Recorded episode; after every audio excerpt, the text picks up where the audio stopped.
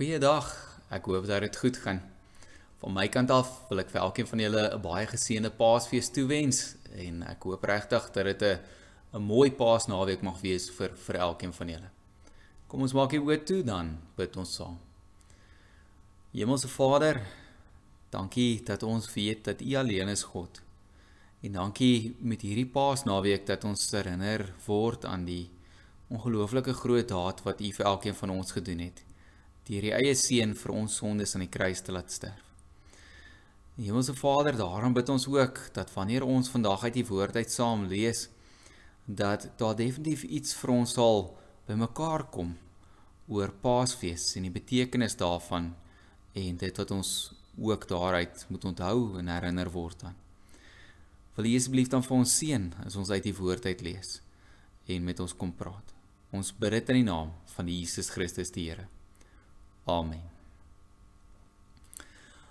Wanneer ons dink aan Goeie Vrydag en die kruisiging en Jesus wat vir ons aan die kruis gesterf het, dan is dit amper van selfsprekend dat mense ook sal dink aan die pyn en die lyding wat Jesus deurgemaak het toe hy daar aan die kruis gehang het.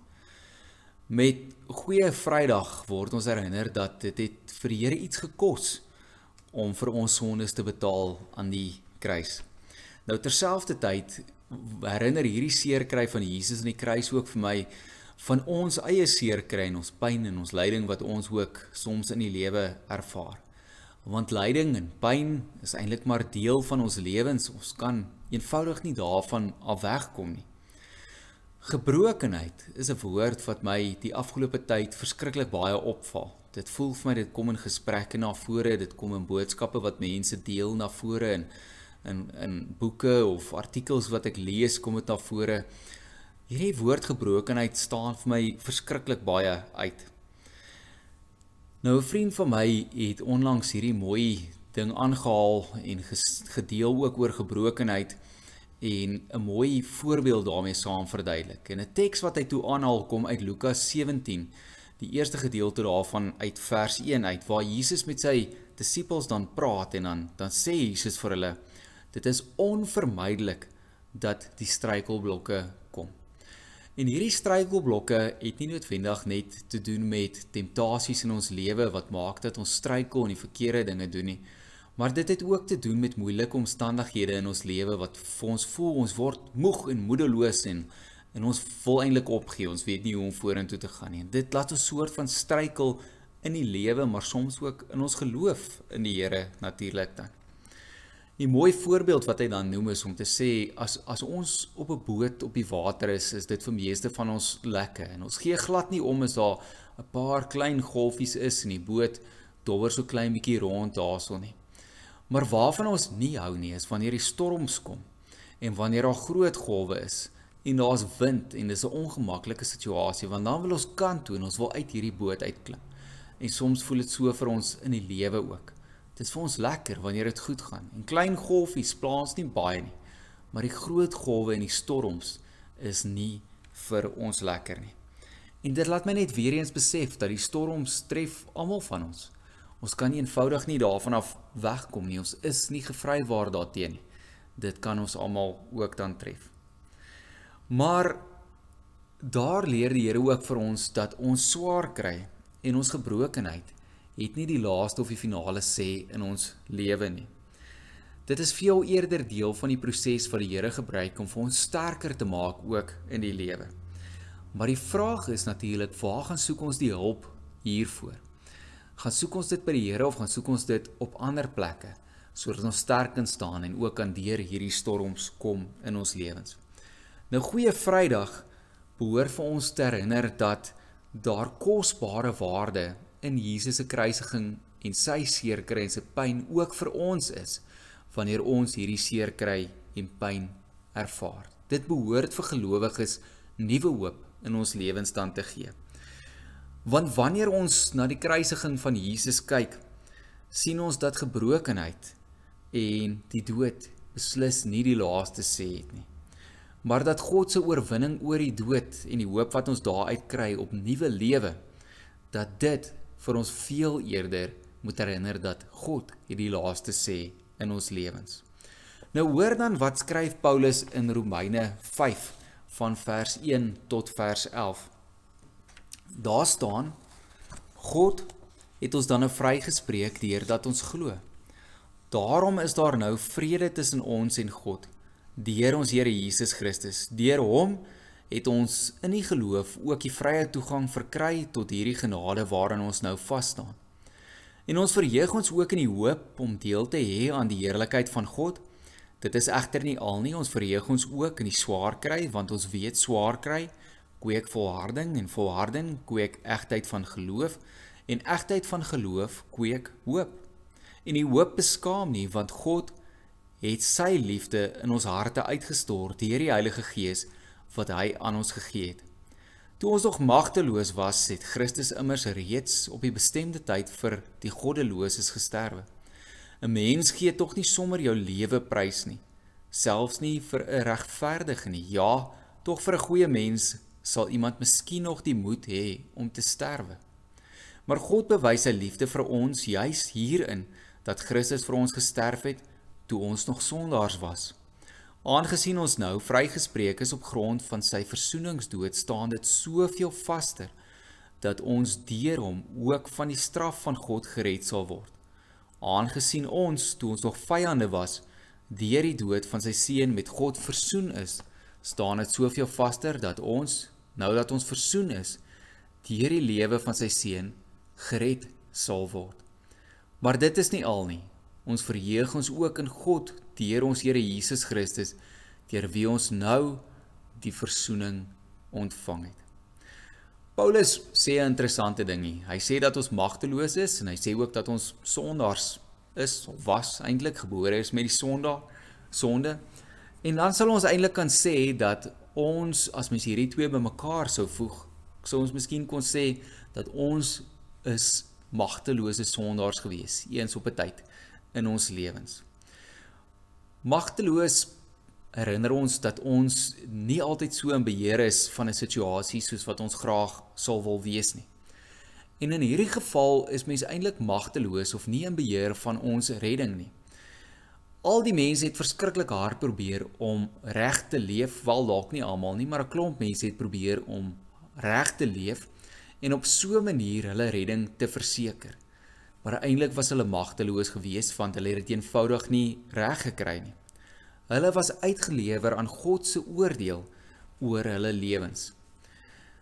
Die term sondaar hoef ons eintlik nie veel eers oor te praat nie. Ons weet dat ons met sonde gebore is en ons weet dat ons almal stry maar om die regte ding te probeer doen en dat ons tog soms ook die verkeerde dinge doen.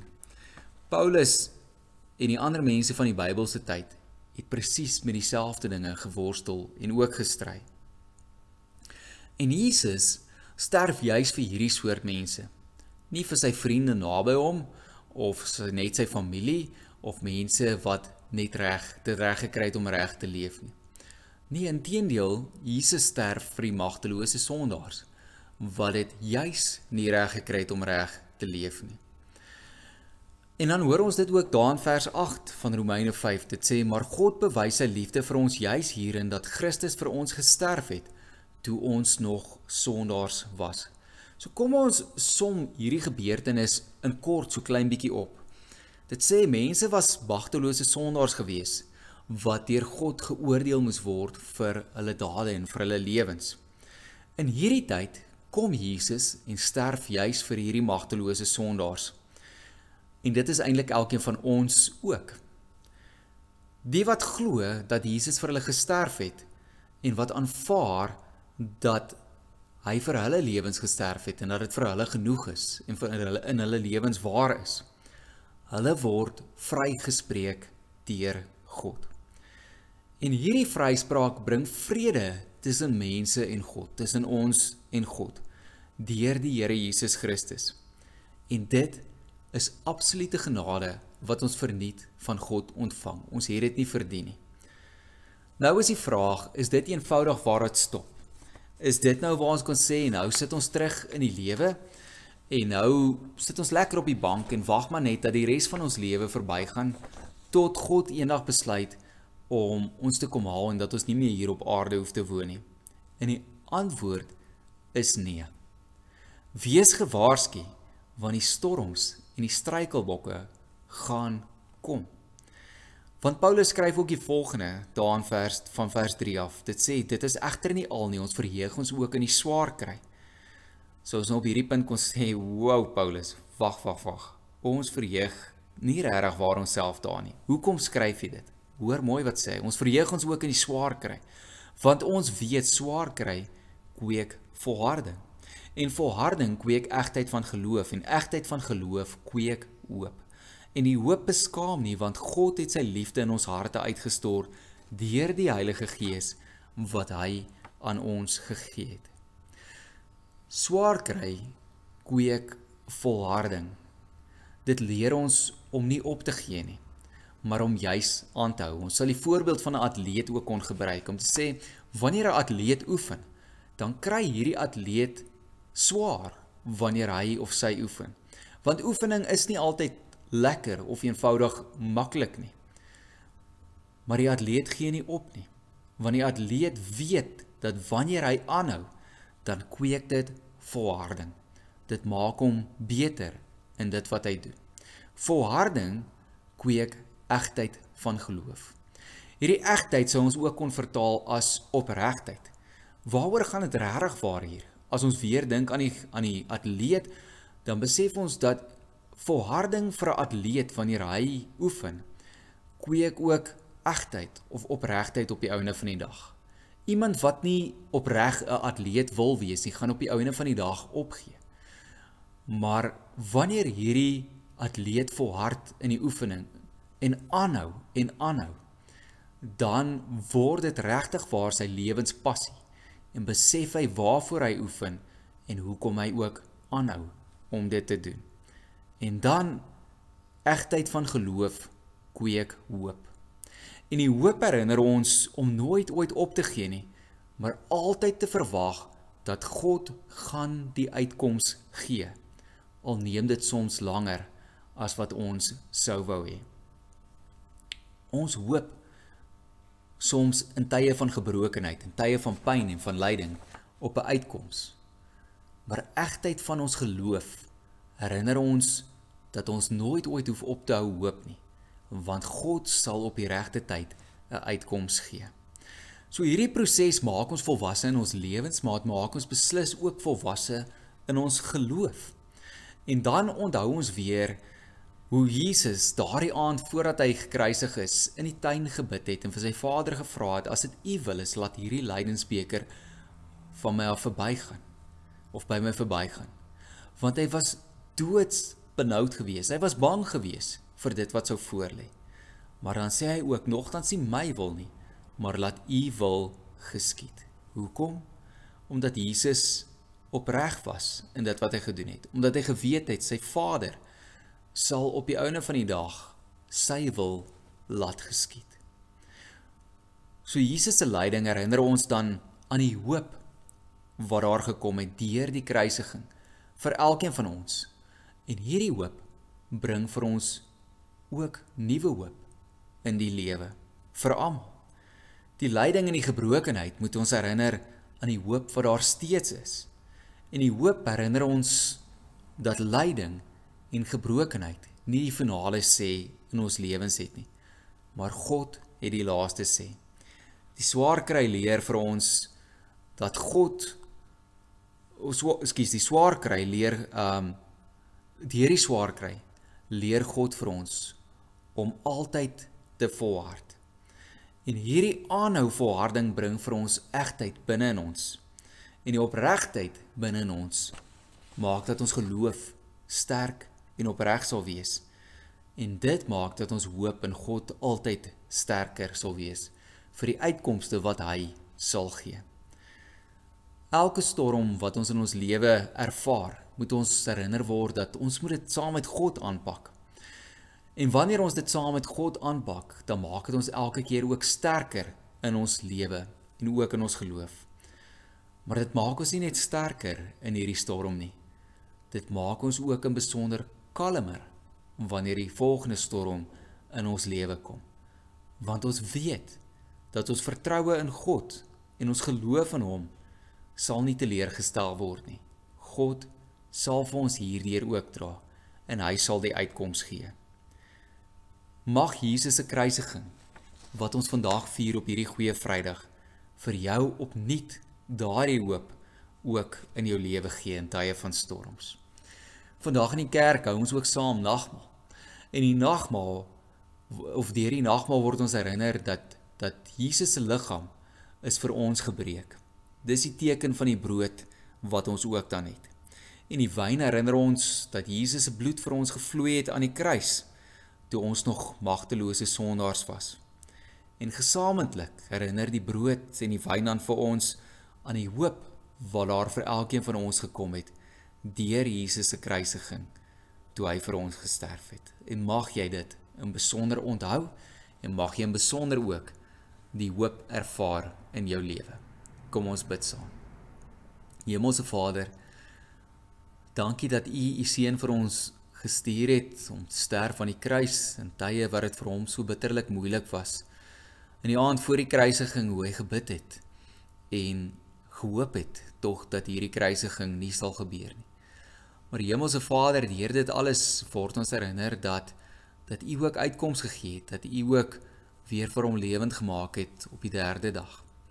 En hoe ons in dit alles hoop kan vind in die lewe, deur die pyn en die swaar kry wat Jesus ervaar het, dat wanneer ons ook pyn en swaar kry ervaar, dat ons ook deur dit alles besef maar ons word sterker en ons het hoop plaas ons altyd in U met opregte geloof dat ons kan weet U sal uitkoms gee.